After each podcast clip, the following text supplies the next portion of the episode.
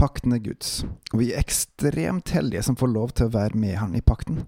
Fordi vi fortjener det ikke, det er av nåde gjennom trua på Jesus. Er det da nok å bare tru? Er det alt som kreves i pakten? That's it, liksom? Velkommen til Gud i sentrum av meg, Håkon Winnem.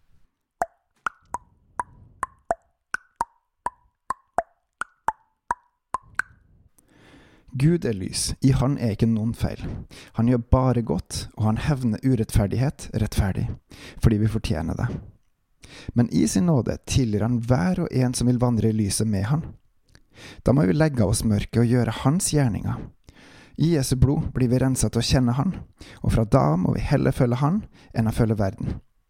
Det går jo ikke an å elske begge to, du vil rett og slett hate den ene og elske den andre.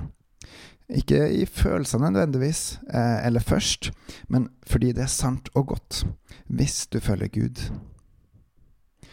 Gud har kalt oss inn i hans pakt. Han er Gud, han setter standarden, han vet hva som er godt.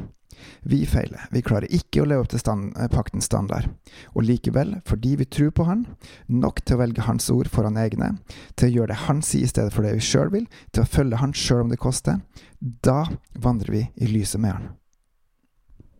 I 1. Johannes brev 2 eh, så står det Den som sier at han kjenner han, men ikke holder hans bud, er en løgner, og sannheten er ikke i han. Men den som holder hans ord, i han er kjærligheten til Gud fullendt. Av dette vet vi at vi er i han. Den som sier at, den, at han er i han, må leve slik Jesus levde. Å tro på Jesus er rett og slett å følge Han. Å kjenne Han vil altså si at man blant annet følger Hans ord, og gjør det som Han sier. Litt senere i kapittelet står det Jeg skriver til dere, mine barn, fordi dere har fått syndene tilgitt for Hans navns skyld. Jeg skriver til dere fedre fordi dere kjenner Han som er fra begynnelsen. Jeg skriver til dere unge fordi dere har seier over den onde. Jeg skriver til dere mine barn for dere kjenner Faderen. Jeg skriver til dere fedre for dere kjenner Han som er fra begynnelsen. Jeg skriver til dere unge fordi dere er sterke. Guds ord blir i dere, og dere har seira over den onde. Vi har fått syndene våre tilgitt, og så skal vi kjenne Jesus og seire over den onde. Kjemp! Og så er det dessverre sånn som kapittel tre trekker fram, at synd er lovbrudd, og den som er Jesus, lever ikke i synd.